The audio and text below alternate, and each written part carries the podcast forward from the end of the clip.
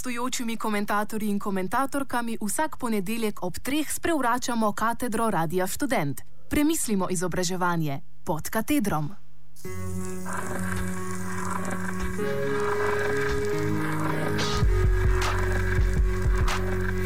O humanistiki.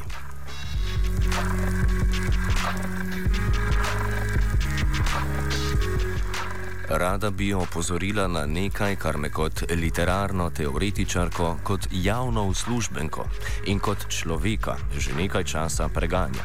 Gre za težavo, ki jo morda najelegantneje opiše mit o Sizifu, ki v večnost vali svojo skalo na ukreber samo zato, da mu vsakič znova spet zdrsne v dolino. Ljudem, ki v svoje dejavnosti prizadevno vlagamo trud, se skoraj simptomatično dogaja, da bolj ko se trudimo biti dosledni ali temeljiti, bolj stvar sama povzi iz rok in se izmika našemu dosegu. Naj se težave lotim na primeru literarne vede.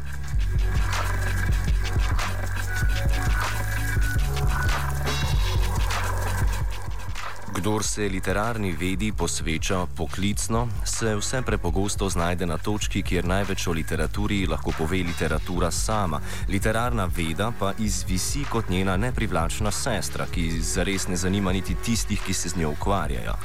Gre za problem, ki ne pesti zares samo literarne vede, marveč bolj ali manj vso humanistiko, vsaj tisto, ki jo proizvajamo znotraj slovenskega kulturnega prostora. Problem sliši na ime izvirni znanstveni članek. Izvirni znanstveni članek na področju literarne vede je nekaj, kar je zaradi svoje nizke samopodobe obsedeno svojo resnobnostjo, svojo kredibilnost pa večinoma poskuša črpati iz vestnega navajanja virov.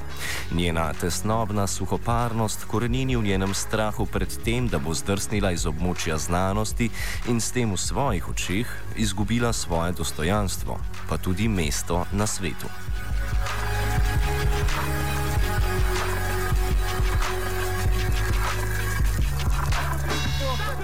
Sta literarna veda in humanistika nasplošno res tako obremenjeni z željo, da bi samo sebe dokazali kot resnično znanost, da sta pripravljeni poseči po škodljivih samoomejitvah in si prepovedati prav tisto kognitivno svobodo, ki bi jim lahko omogočila doseči največje presežke.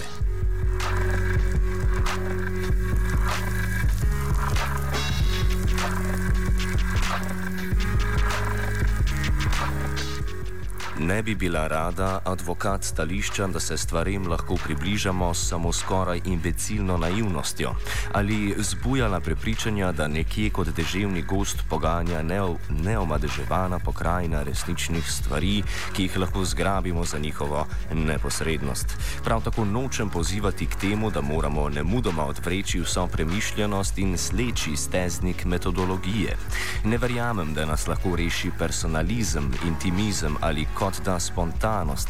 Menim samo, da je za vsakega človeka, za vsako znanost ali za vsako ustanovo koristno, če vsake toliko se stopi iz svojega strukturnega mesta, se nekoliko dvigne in vso stvar pogleda z nove perspektive. Če nekaj počnemo že vrsto let, iz tega ne sledi nujno, da je to za nas dobro.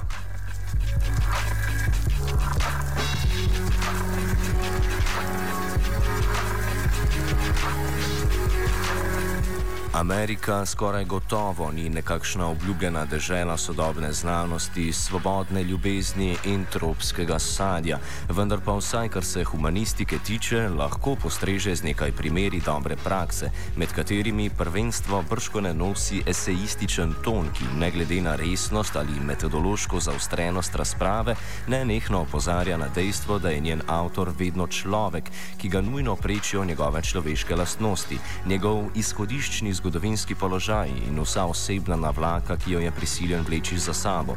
Opozarja, da vse, kar je človeškega, ne glede na to, kako sili k objektivnemu in ne glede na to, kako pravzaprav in spoštovanja vredno je, da v tem prizadevanju ustraja, vedno nosi neizbrisen pečat subjektivnega in se nam tega ni treba srmovati.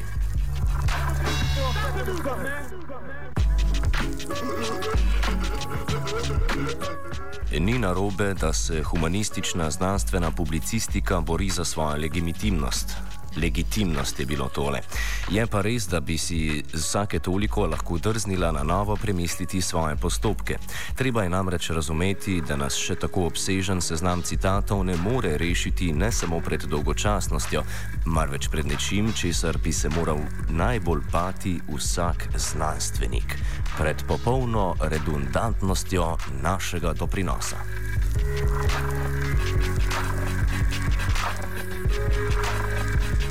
Komentar je pripravila Katja Perat.